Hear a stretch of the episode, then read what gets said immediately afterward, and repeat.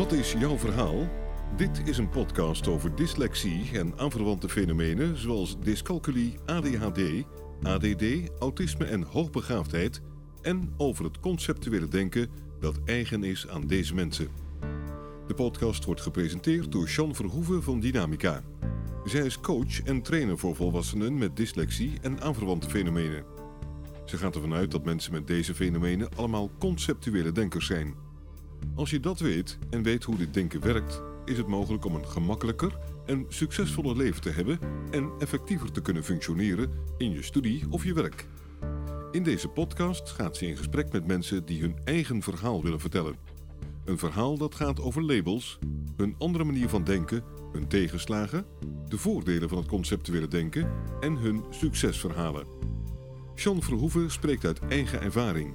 Ze heeft zelf dyscalculie, dyslexie en ADHD. Welkom Stefan. Ja, dankjewel, Sean. We gaan het hebben over autisme deze keer. Uh, ik heb zelf liever een voorkeur voor de term neurodiversiteit of mensen met een neurodivergent brein.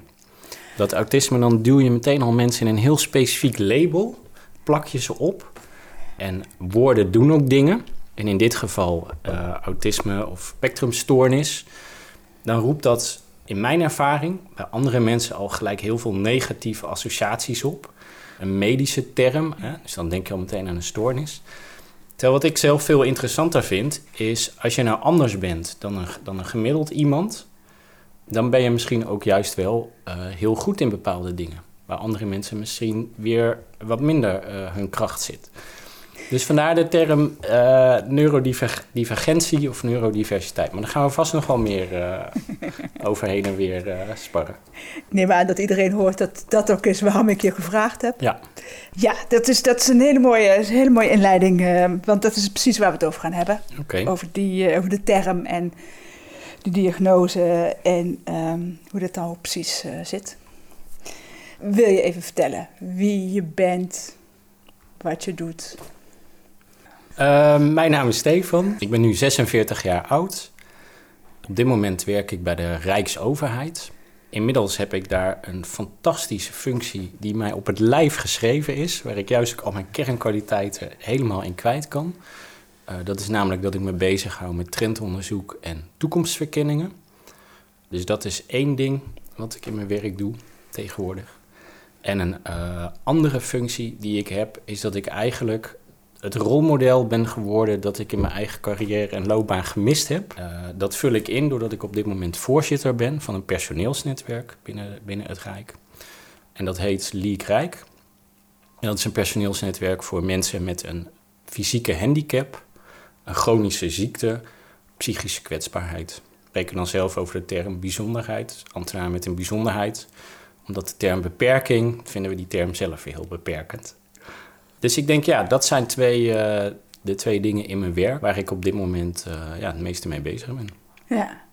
ja. Verder ben ik ook nog vader van twee kinderen, twee pubers. Ik heb nog twee katten. Uh, wil je wat vertellen over je schoolloopbaan en hoe je tot een. Want je hebt een diagnose, ehm, hoe dat gegaan is? Ja. Op zich ben ik eigenlijk altijd relatief makkelijk door mijn school en mijn studie uh, gerold. Uh, dat ging eigenlijk heel goed. Ik heb wel ook wel altijd het idee gehad, of het gevoel van een soort anders zijn. Ik kon daar niet altijd helemaal duidelijk de vinger op leggen waarom dat nou precies in zat. Dat was meer een soort gevoel.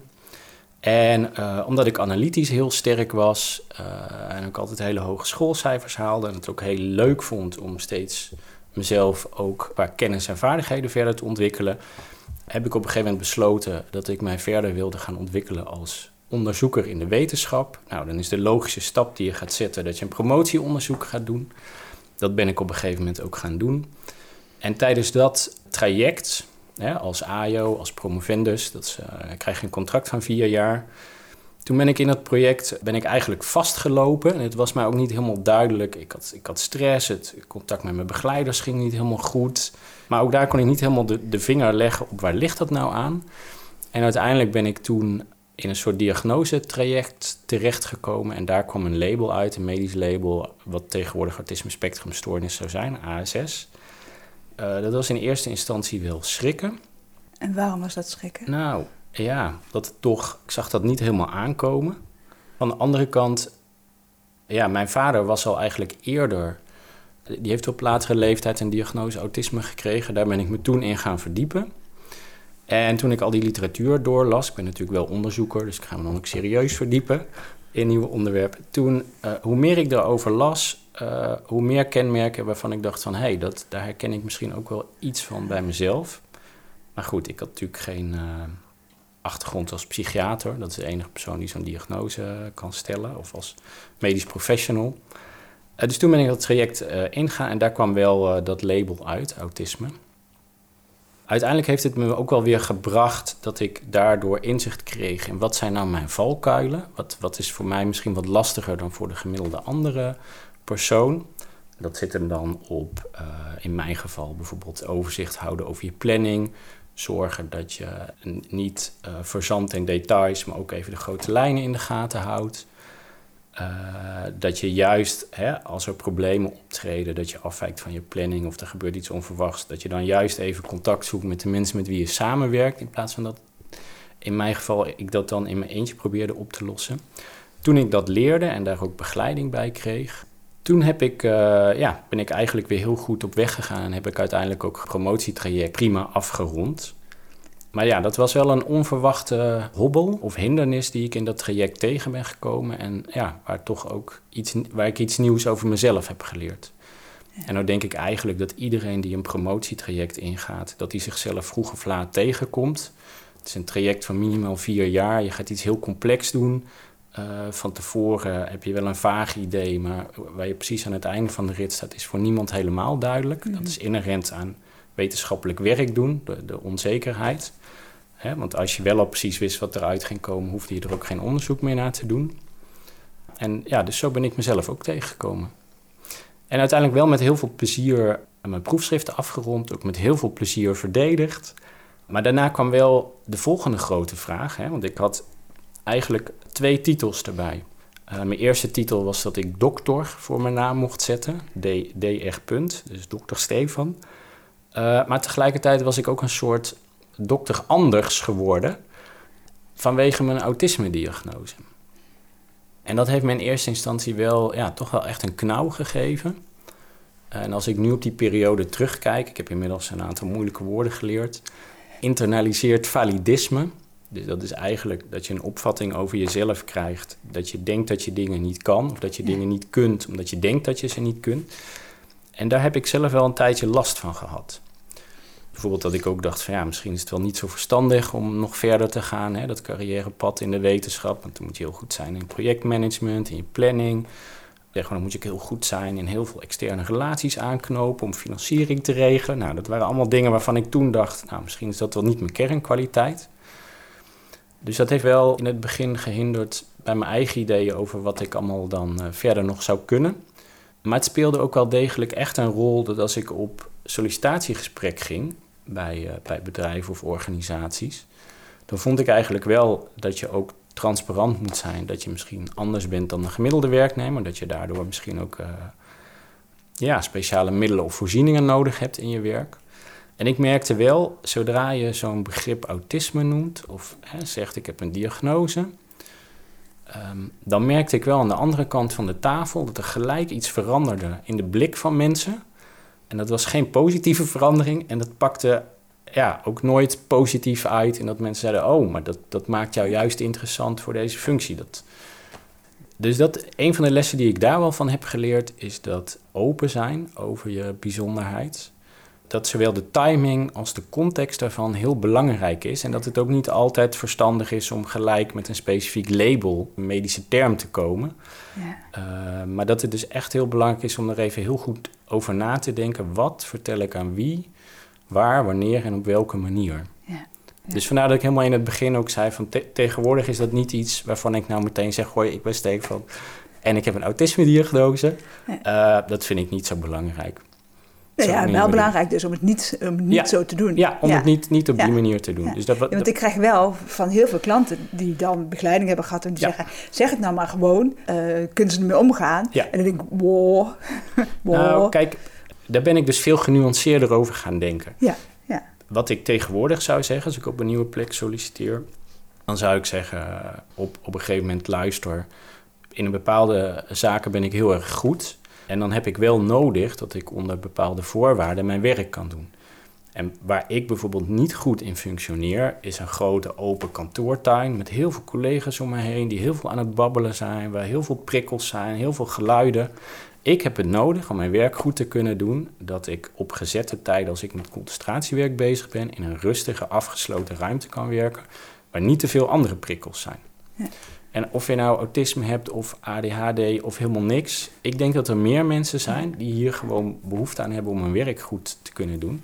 En als jij nou ja, bijvoorbeeld deze voorwaarden duidelijk kan communiceren naar je werkgever toe en daar concrete werkafspraken over kan maken, hoe je dit in je werk kan organiseren, dan, dan hoef je het niet over allerlei andere dingen te hebben, maar dan maak je het heel concreet en heel specifiek en dan kan je er ook uh, duidelijke afspraken over maken. Ja. En de oplossingen kunnen dan zijn dat jij, uh, als dat nodig is, dat er een aparte stiltewerkplek is. Of als dat nodig is, kan je afspraken maken dat je misschien een gedeelte van de tijd thuis kan werken op een rustige plek. Hè, dat hoeft allemaal niet zo heel ingewikkeld te zijn. Ja, hoef je ook geen ingewikkelde medische diagnoses uh, te noemen. En dan kan je wel samen de juiste condities scheppen dat je goed je werk kan doen. En wat ik tegenwoordig ook zeg als ik in projecten samenwerk met mensen, dan zeg ik nou, ik vind het fijn hè, en belangrijk als we periodiek, bijvoorbeeld één keer per week, even als team of als projectgroep met elkaar even de planning en de prioriteiten doornemen. Soms komen er belangrijke dingen tussendoor die we niet voorzien hebben, hè, waardoor we toch even dingen bij moeten sturen. En daarmee uh, organiseer ik bijvoorbeeld dat ik niet in mijn eentje verantwoordelijk ben voor de planning en ook als daar verschuivingen in optreden, maar dat we dat gewoon samen als projectgroep doen. Ja, ja. Je vertelde het net wel een beetje, maar je bent met een. Je hebt niet zelfstandig je werk gevonden. Als ik even terug mag gaan. Hè? Dus ik had, ik had succes. Ik, heb een, ik had een diagnose gekregen. Ik, uh, ik had gezorgd dat ik dat in mijn werk goed opving. Mijn project, mijn promotieproject heb ik volgens goed afgerond. Toen heb ik wel een tijdje met mijn handen in het haar gezeten. Van nou, wat, hè, hoe, hoe, moet ik nu verder? Wat ook niet goed hielp was dat het ook nog een economische recessie was. Oh. Toen ik nog extra je werk moest doen. En op een gegeven moment heb ik wel aangeklopt, bijvoorbeeld ook bij het UWV. En heb ik gezegd: luister, ik wil ontzettend graag aan de slag. Ik merk dat als ik zelf solliciteer, dat het nou ja, toch niet altijd helemaal goed lukt. Ik ben gepromoveerd innovatiewetenschapper. Ik denk dat ik een heleboel werkgevers een heleboel te bieden heb. Zouden jullie me een beetje kunnen helpen? Nou, dat was toen heel lastig. Uiteindelijk ben ik wel door gewoon juist zelf ook heel veel netwerkgesprekken met mensen te gaan voeren ook als er geen concrete vacatures waren, ben ik uiteindelijk wel ergens uh, binnen het Rijk aan de slag gekund. Daar heb ik echt de kans gekregen om te starten. En de speciale ingang waar je het misschien over hebt, is dat ik daar gestart ben via de participatiewet. Oh, ja. En aan de ene kant, uh, als ik daarop terugkijk, ben ik daar echt ontzettend blij mee dat ik toen die kans heb gekregen om via de participatiewet als participatiewetmedewerker uh, daar te kunnen starten. Tegelijkertijd kijk ik er ook iets wat met een dubbel gevoel op terug. Omdat dat wel betekent dat je uh, eigenlijk bovenformatief bent. En voor mij voelde dat toch, ja, toch altijd een gevoel van anders zijn ten opzichte van de alle andere collega's die wel in de formatie zitten. En, dus wat, en wat deed het dan met je? Ik, ik zei al eerder, hè, wat ik, toen ik startte uh, binnen het Rijk, wat ik miste was een rolmodel. Iemand die open is over dat hij misschien niet doorsnee is en een bijzonderheid heeft. Of dat nou een lastig lichaam is, of een uh, psychische kwetsbaarheid, of een neurodivergent brein. Ik, ik dacht dat ik de enige was op mijn werkplek, dus die als participatiewetmedewerker was gestart. En eigenlijk ook de enige waar, hè, die misschien niet helemaal doorsnee was. En voor, ja, dat gaf wel een gevoel van eenzaamheid en ook wel een gevoel van anders zijn op een niet heel positieve manier. En een van de reacties die ik daarop had, was dat ik eigenlijk ook onzichtbaar wilde zijn in mijn werk. En daardoor dus ook ja, automatisch niet op de voorgrond trad of heel prominent aanwezig uh, wilde zijn. Eh, binnen de organisatie. Ja, dat zijn natuurlijk allemaal dingen die zijn niet heel handig als je iets wil en iets kan en ook de ambitie hebt om door te groeien binnen je werk. Wat mij enorm heeft verder geholpen in mijn werk, is dat ik op een gegeven moment in contact kwam met een groepje mensen die op een andere plek binnen de Rijksoverheid, bij een ander onderdeel, een personeelsnetwerk hadden opgericht onder de naam League of Extraordinary People. Super complexe naam. Het is de ook, voetballeague, zeg ik ja, het doet een beetje aan de Champions League ja, de denken. Champions League, ja. Eh, het is eigenlijk een club voor mensen met een bijzonderheid. Dus handicap of chronische ziekte of een neurodivergent brein. Hè, in plaats van dat je dus uitgaat van een beperking, ga je uit van een bijzonderheid. Oké, je bent niet doorsnee, je bent misschien anders dan, dan de gemiddelde andere werknemer.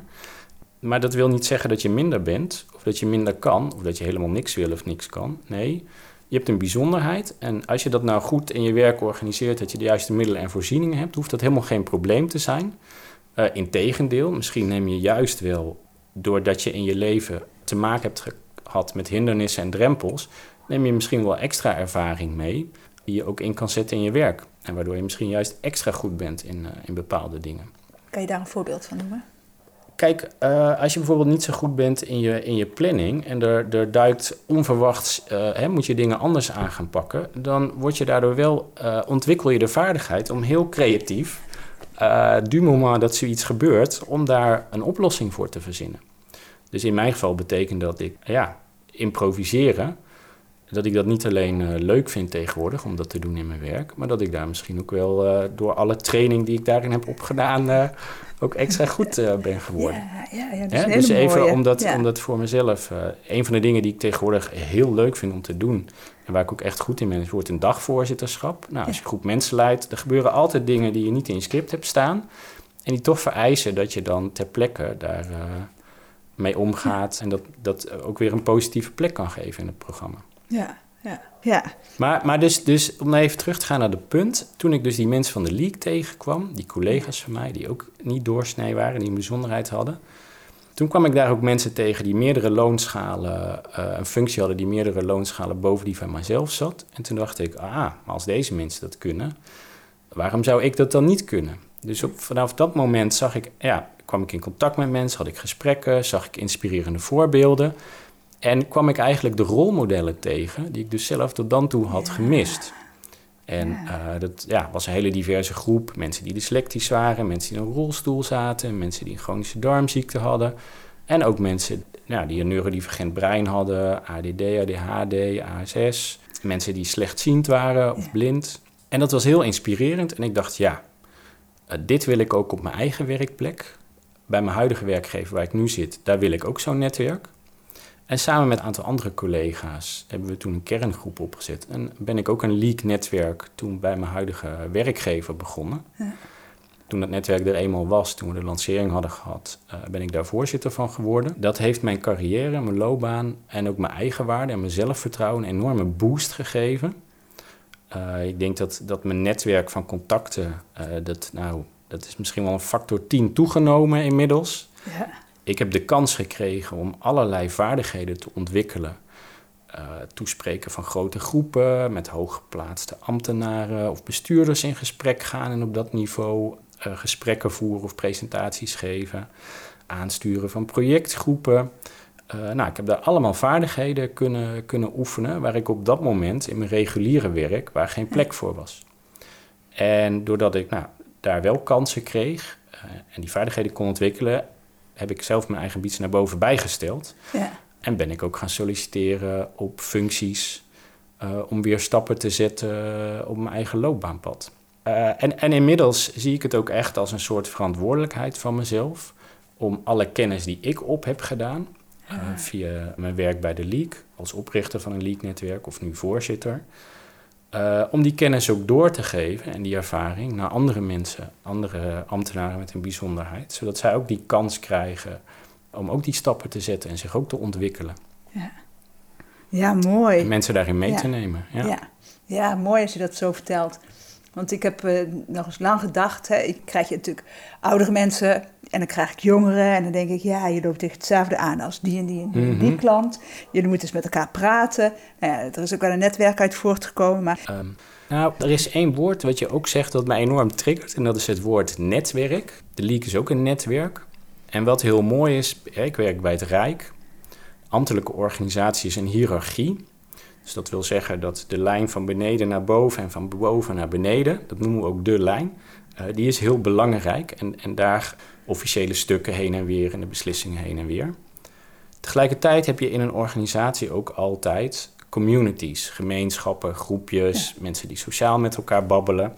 En dat is dan eh, zeg maar meer horizontaal georiënteerd. Dus je hebt zeg maar de, de verticale lijn van boven naar beneden omgekeerd van de hiërarchie, de horizontale lijn van, van de gemeenschappen, de communities. En eigenlijk het mooie van een netwerk is dat het daar helemaal doorheen snijdt. Uh, schuin of, nou ja, dat, of op een andere manier. En daar zit nou ook net de kracht, zeg maar. Ehm, dus dat is volgens mij ook de meerwaarde dat je de communities en de hiërarchie dus via een netwerk bij elkaar kan uh, krijgen. Misschien is het een beetje het beeld en taalgebruik. Ik ben natuurlijk ook een conceptuele denker. dus voor mij is het dan helemaal helder.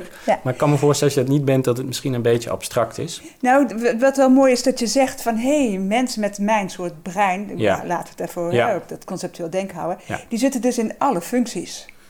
Want er wordt zo vaak, eh, er wordt zoveel gezegd over uh, ons. Maar we zitten dus, en ik krijg hier, ik vind het altijd leuk om te zeggen, ik krijg hier alle niveaus, alle beroepen krijg ik hier binnen. Dus ook binnen zo'n netwerk van alle niveaus mensen erin zitten. Ja, en dan kan je elkaar um, stimuleren of dan kan je wat voor elkaar betekenen. Ja. ja. Nou, ja, dat is wel mooi. zijn. Ja, ja, nou dat is wel mooi dat je dat dus zegt. Als ik kijk binnen het Rijk, dan is denk ik de beeldvorming die er bestaat dat vooral mensen met een handicap of een chronische ziekte of een neurodivergent brein, dat die toch meer in de lagere functies zitten. Ja. Ja. En dat beeld het klopt niet.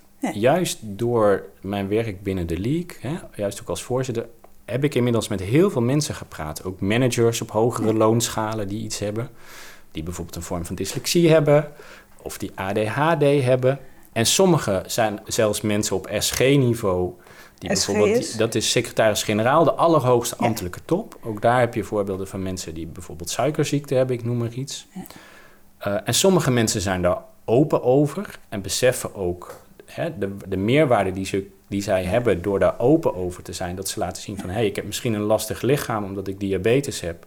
Maar dat heeft mij niet gehinderd om door te stromen tot de allerhoogste ambtelijke functie die, die je binnen het Rijk kan bekleden. En daarmee dus ook echt invulling geven aan die voorbeeldfunctie van het rolmodel zijn. Tegelijkertijd zijn er ook wel mensen op posities die, die zeggen: Ja, ik, ik heb wel iets, maar ik ben er niet open over. Want dat helpt mij ook niet in mijn functie en dat, dat roept allerlei negatieve associaties op. Dus je zou kunnen zeggen: niet iedereen is uit de kast. Ik heb wel eens uh, met een, een lead-collega, bestuurslid, uh, gesprekken daarover uh, gehad. Hij zei: Ik was de eerste dyslect binnen de overheid. Hij heeft zich toen hard gemaakt voor anoniem beschikbaar stellen van dyslexie-software. En hij zei de mediaan, dus wat het meeste voorkwam, was dat mensen in loonschaal 14, dus dan ben je of echt een zware inhoudelijke specialist of je hebt een managementfunctie. Maar dat mensen uit die schaal kwamen het meeste voor als aanvragen voor die software. Dus dat waren juist mensen die op hogere niveaus zaten. Maar goed, om even terug te keren, juist via zo'n netwerk kan je wel mensen die op hogere niveaus zitten, die, die kan je ook in contact brengen en, en ervaringen en kennis uitwisselen met mensen die nog niet die carrière stappen uh, hebben gezet. En dat is heel waardevol. Ja. ja. Dus vanuit de League hebben we bijvoorbeeld ook recente oproep gedaan. Je hebt bij de Rijksoverheid van loonschaal uh, eh, 15 of hoger. Die wordt gedetacheerd vanuit de ABD, de ambtelijke bestuursdienst. Daar hebben we nu ook een oproep gedaan van... hey, ben jij nou een ABD'er met een bijzonderheid? Dan komen we graag met je in contact... Hè, om gewoon eens ervaringen uit te wisselen. Hoe is dat nou voor jou als ABD'er? En wat kunnen wij daar misschien van leren? Hè, van jouw persoonlijke verhaal. Om ook andere mensen uh, nou ja, mee te verrijken of zodat zij stappen kunnen zetten. Ja, ja. En dat is wel mooi, want dus hoe hoger je qua functie zit, hoe, nou, blijkbaar is het dan toch gemakkelijker om iets aan te vragen of voor jezelf te zorgen dan wanneer je op lagere posities zit. Nou, kijk, wat heel interessant is, je hebt vast het boek gelezen De Zeven Vinkjes van Joris Leijerdijk. En dat, een van de dingen die hij eigenlijk zegt is als je nou bij een bedrijf of organisatie binnenkomt, hè, je, je staat in de, in, bij de receptie op de begane grond, dan zie je een enorme diversiteit aan allerlei verschillende medewerkers. Maar als je dan in de lift stapt, hè, naar, naar boven, naar het bestuur toe, en je gaat, dan wordt die diversiteit wordt eigenlijk steeds minder. En mensen gaan steeds meer op elkaar lijken. De uiterlijke diversiteit. Nou ja, maar ook qua achtergrond, qua oh opleiding, qua oh woonplaats. Hè, en die zeven vinkjes benoemt hij dan ook in zijn boek. In mijn analyse mist er eigenlijk nog, nog één ander vinkje in zijn boek. En dat is het nulde vinkje. Dat is eigenlijk een soort basisvinkje. En dat is het vinkje gezondheid.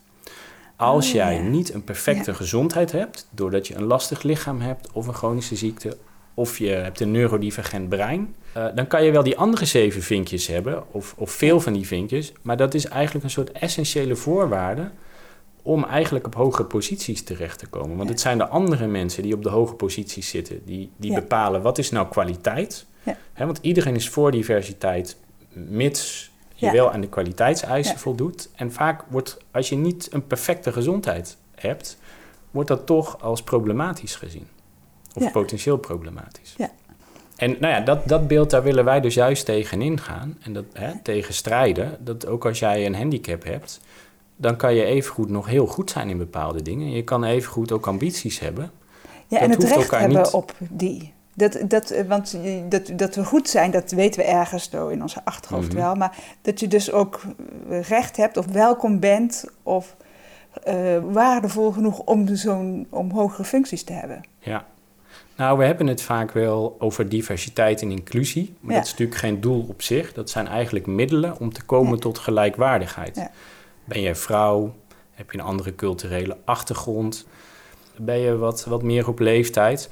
Maar ook heb je, zit je in een rolstoel of heb je een handicap. Dat wil niet zeggen dat jij niet Ja. iets kan en iets Ja. wil. Ja. En dat jij niet eh, gelijkwaardig behandeld zou moeten worden als alle andere mensen in een organisatie. Ja.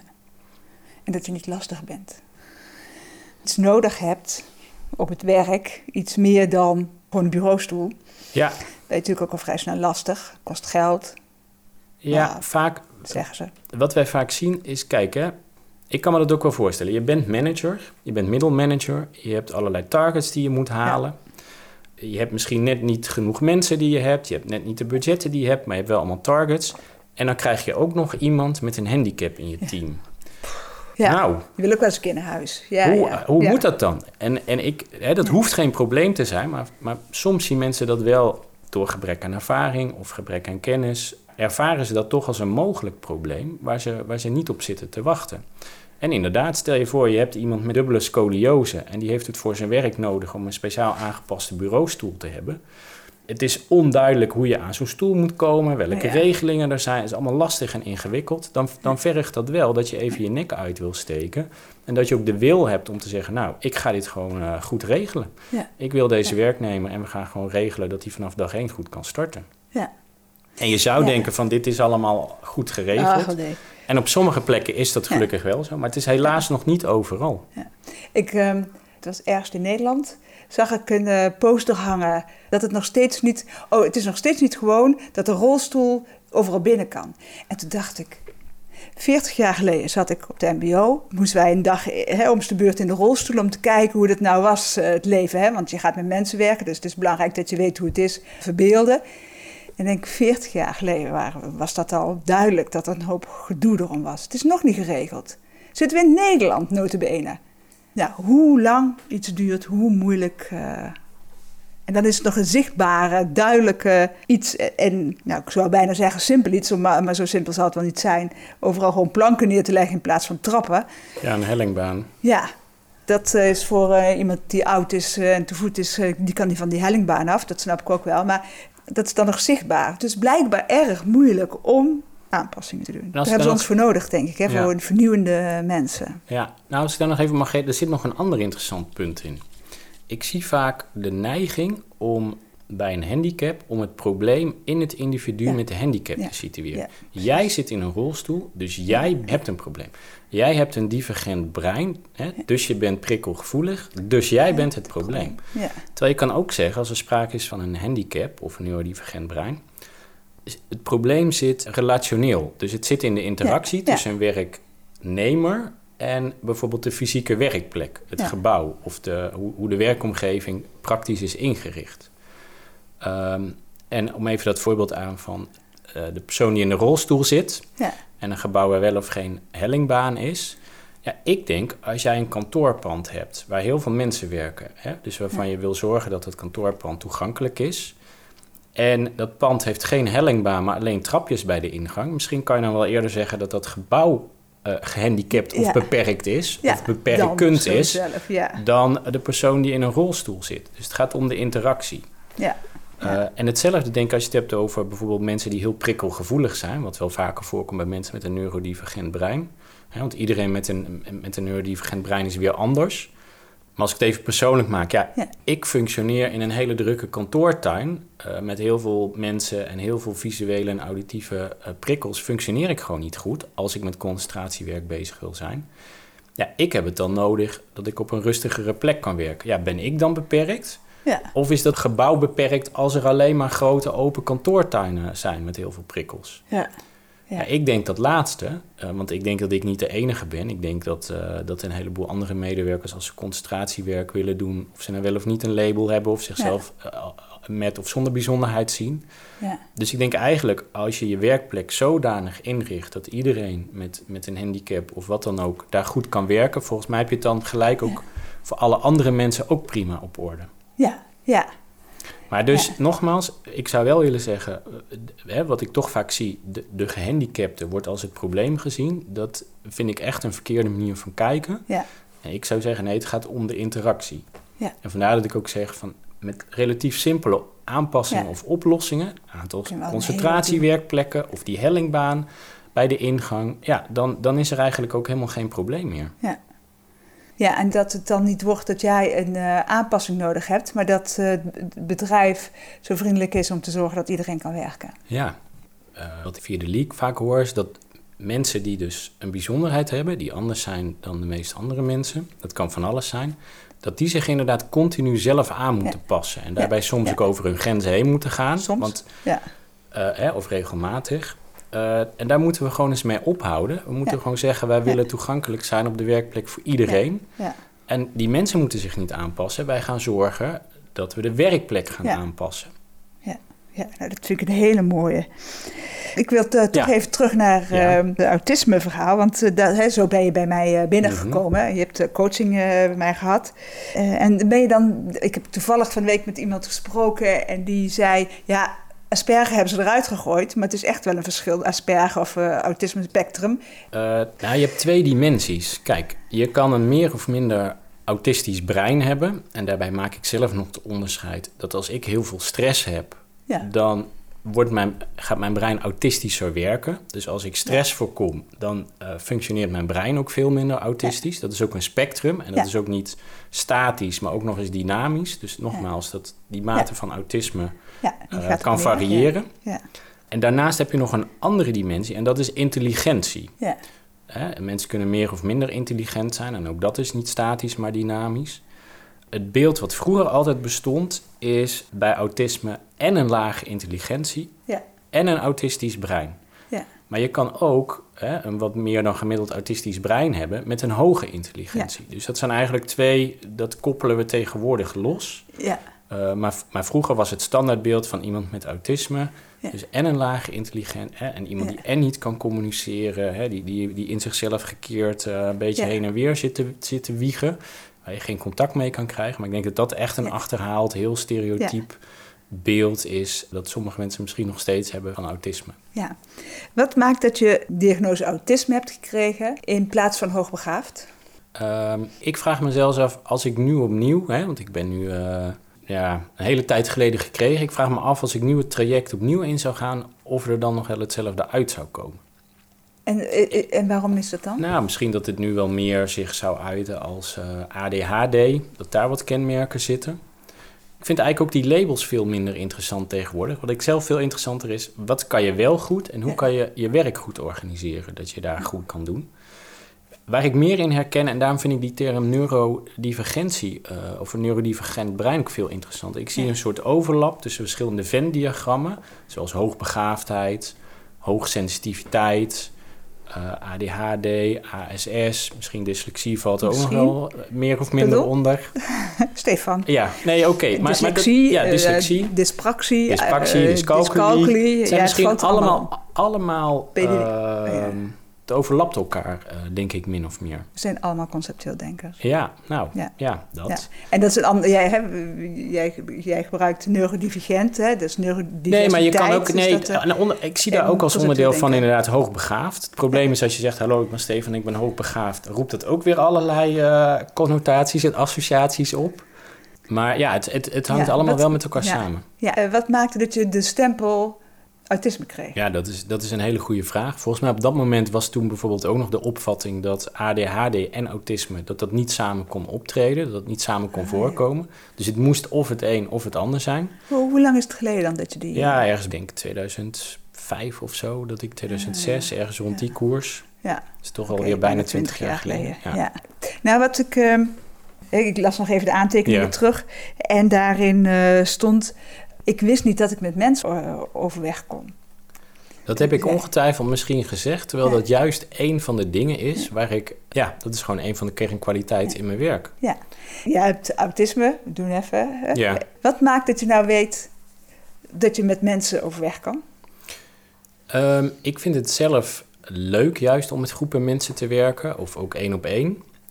En het is ook de feedback die ik krijg in mijn werk. Als een van de kwaliteiten waar mijn collega's me juist enorm om waarderen, is hoe ik gesprekken leid of gesprekken faciliteer.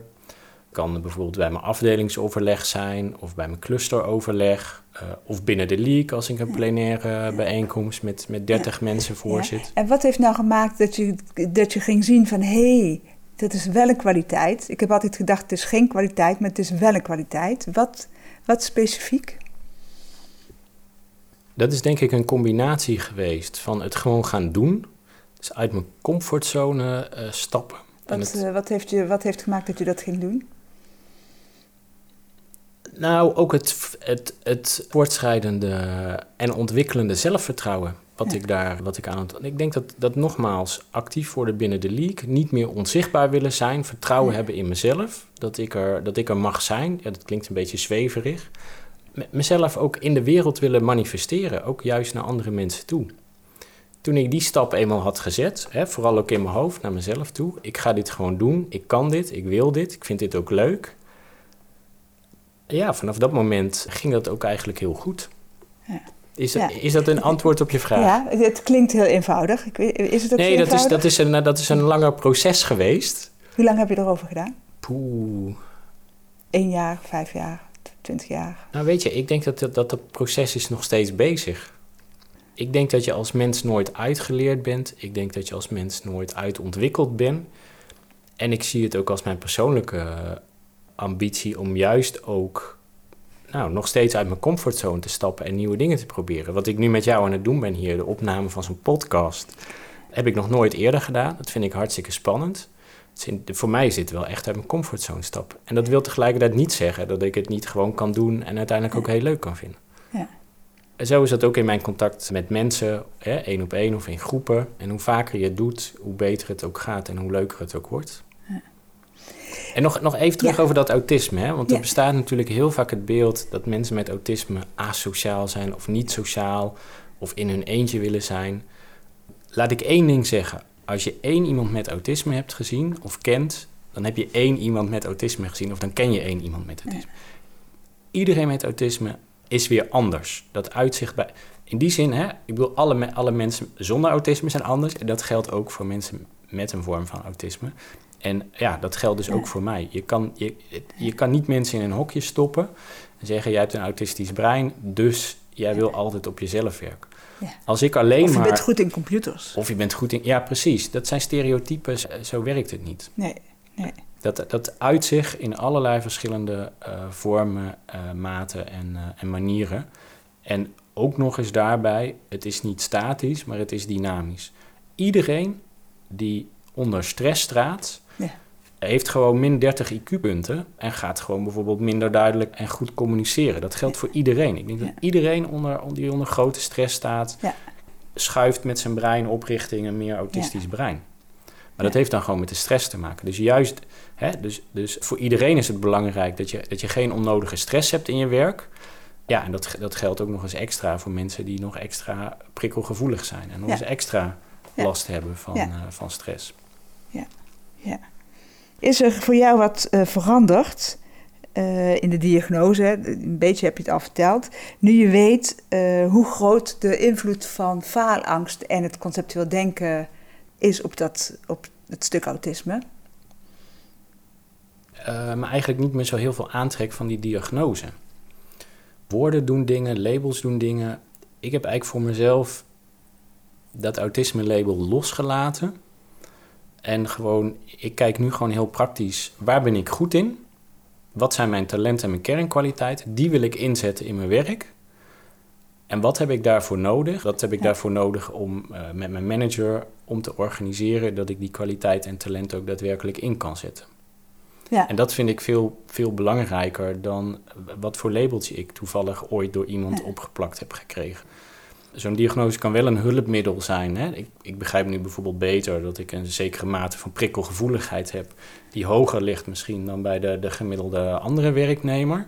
Ja. Hè, dat specifieke die prikkelgevoeligheid, dat vind ik dan relevanter dan zo'n zo'n medisch label. Ja. En die labels zijn ook ooit bedacht om te helpen bij mensen die helemaal vastgelopen zijn en waar het ook echt een probleem is in hun dagelijks leven. Een van de criteria als je in de DSM kijkt, is ook dat er sprake moet zijn van dysfunctioneren in de privé of in de professionele sfeer. En als er geen sprake is van dysfunctioneren, dan is er eigenlijk ook geen probleem. Ja. En dan heb je zo'n medisch label uh, eigenlijk ook niet nodig, vind ik. Ja.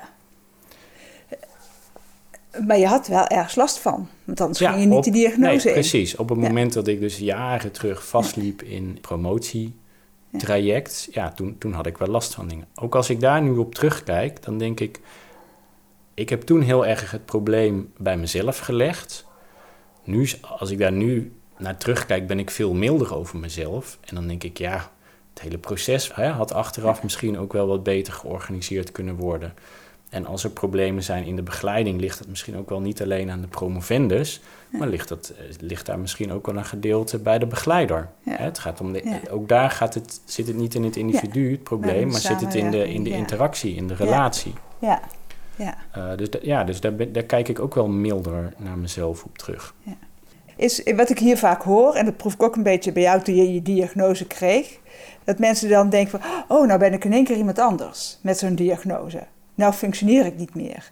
Terwijl je, je je hele leven hebt gefunctioneerd, dat je dan iemand anders wordt. Kan jij er iets over zeggen? Ja, nou, aan de ene kant herken ik dat wel. Ik, nogmaals, ik heb zelf ook echt last gehad. Die diagnose, hè, dat woord autisme of dat label heeft ook zeker uh, in het verleden iets gedaan. Namelijk, dat heeft mij het gevoel gegeven ja. dat ik dacht dat ik dingen helemaal niet zou kunnen in mijn leven of niet zou kunnen bereiken algemeen advies voor iedereen te komen die een label heeft. Om niet alleen in problemen en hindernissen te denken, maar juist ook te, te, kijken naar kansen en mogelijkheden. En ook voor jezelf, van waar ben ik nou goed in? Wat zijn mijn kwaliteiten? Kijk, vaak mensen die een, ik gebruik dan toch weer de term neurodivergent brein. Wat misschien wel echt anders is ten opzichte van veel andere mensen, is dat ze een disharmonisch functieprofiel hebben. Dat is ook weer een ingewikkelde term, maar dat wil zeggen dat je in, in een aantal dingen ben je veel beter dan een gemiddelde mens. Maar in, in een aantal andere dingen ben je eigenlijk ook weer veel minder goed.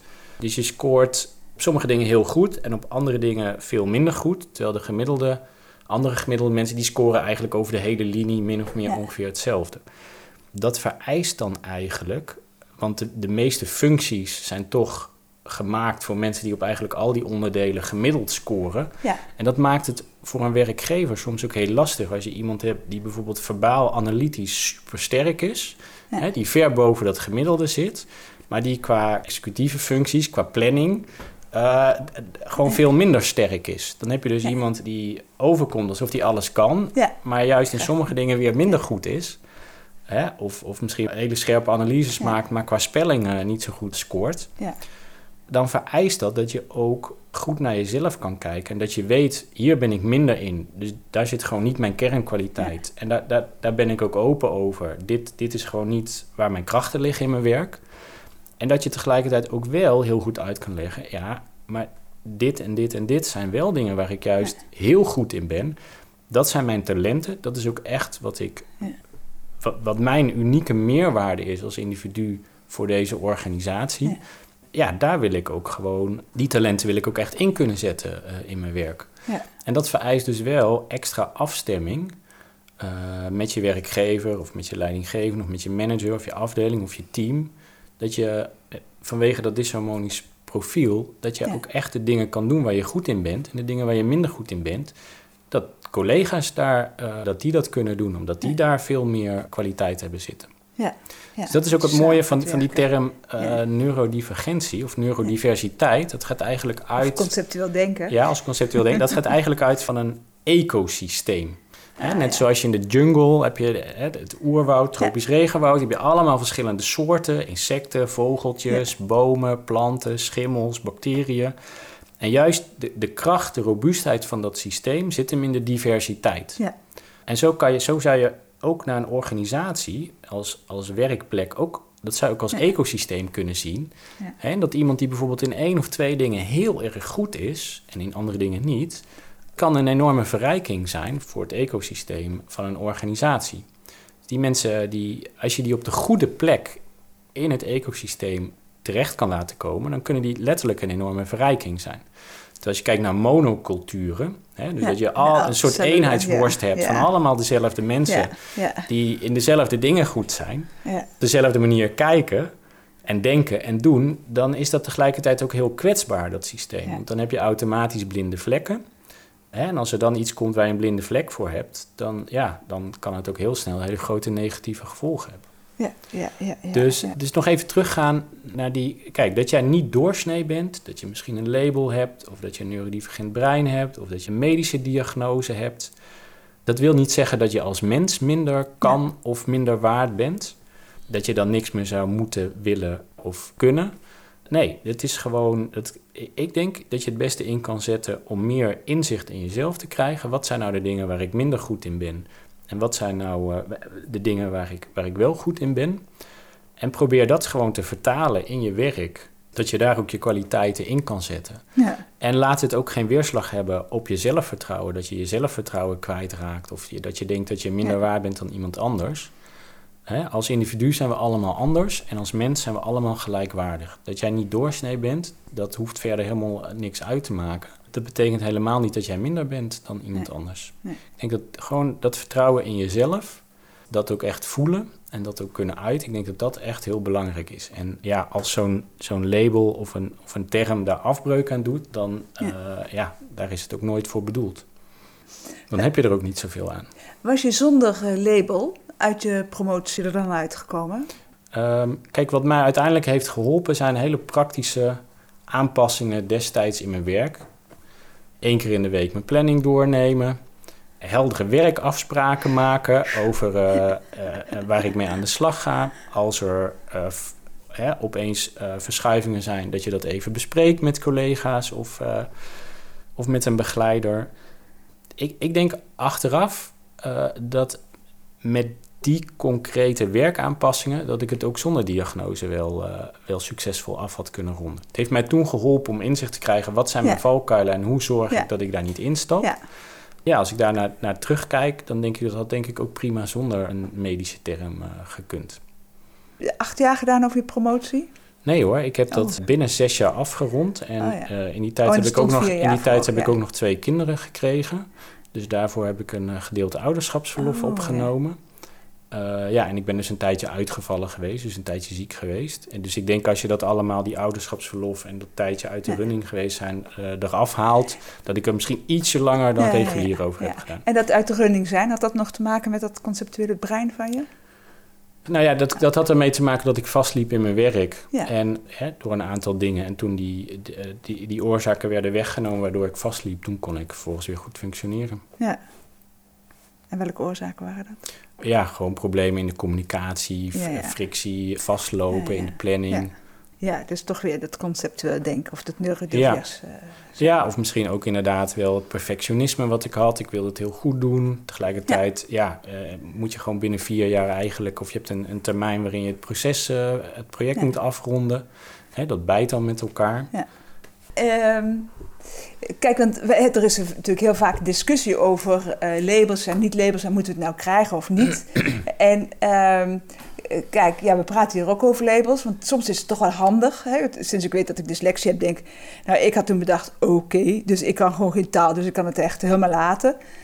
Dat ik dat dan ook ging doen, maar dat was wel eh, dat, dat, dat ik snapte dat het ergens vandaan kwam. Dat het niet eh, mijn schuld is dat ik iets eh, niet kan. Dus die labels hebben ook een functie. En ik vind ook, je moet ophouden met dat het verstandig is. Ik bedoel, er moet helemaal niks. Verstandig is om op een gegeven moment ook, om niet te roepen steeds van, oh sorry, maar dat kan ik niet, want ik ben. Maar dat je zegt, ja dat kan ik. Ik wil dat stuk, want dat is waar ik goed in ben. Want dat doen, iedereen die zelfvertrouwen heeft, die kan het veel gemakkelijker dan iemand die geen zelfvertrouwen heeft. Dus ik wil eigenlijk, uh, dat was eigenlijk mijn vraag van, ergens proef ik wel dat je die, dat, dat proces wel nodig hebt gehad om iets beter te kunnen pakken waardoor je eruit kan stappen. Ja. Handiger label vindt. Ja, Misschien heeft dat ja. me wel enorm geholpen. Tegenwoordig zeg ik ook, ik ben een conceptuele denker. Ja, Nou, vaak kennen mensen die term dan niet helemaal, dus dan leg je dat kort uit. ja, Waar je goed in bent, maar ook hè, waar misschien aandachtspunten zitten.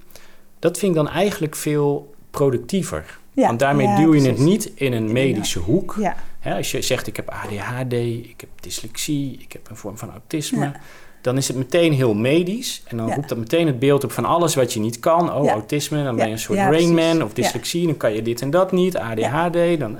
altijd Terwijl als je zegt, ik, ik heb een andere denkstijl.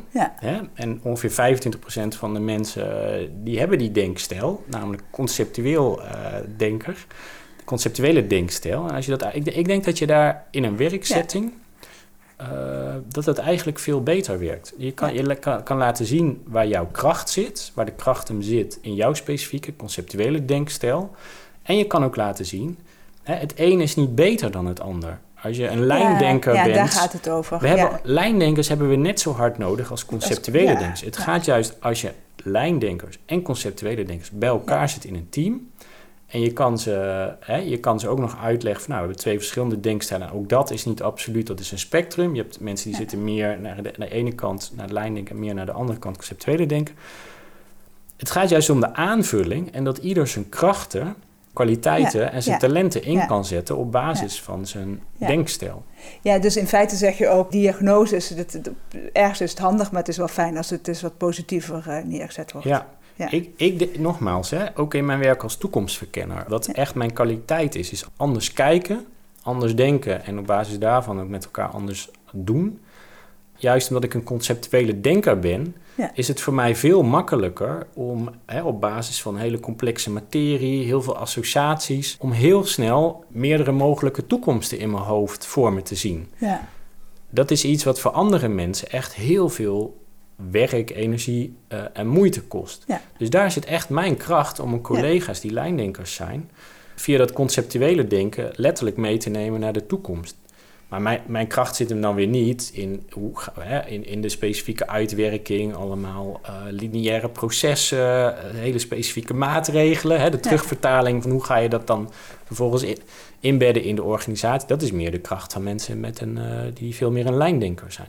Ja. Dus en zo kunnen we elkaar eh, echt aanvullen, juist vanwege onze andere denkstijlen. Ja. Ja, het is niet echt een label, hè? het is meer een soort term, conceptuele denken. Dat, dat, en nu ik dat ook, kijk, dat is iets wat ik wel communiceer in werkcontexten. Ja. Want daar hangen gewoon veel minder negatieve connotaties, veel minder vooroordelen, negatieve vooroordelen of stigma's aan vast. Ja. En het is ook geen, het is ook geen medisch, het heeft geen medische achtergrond, de term.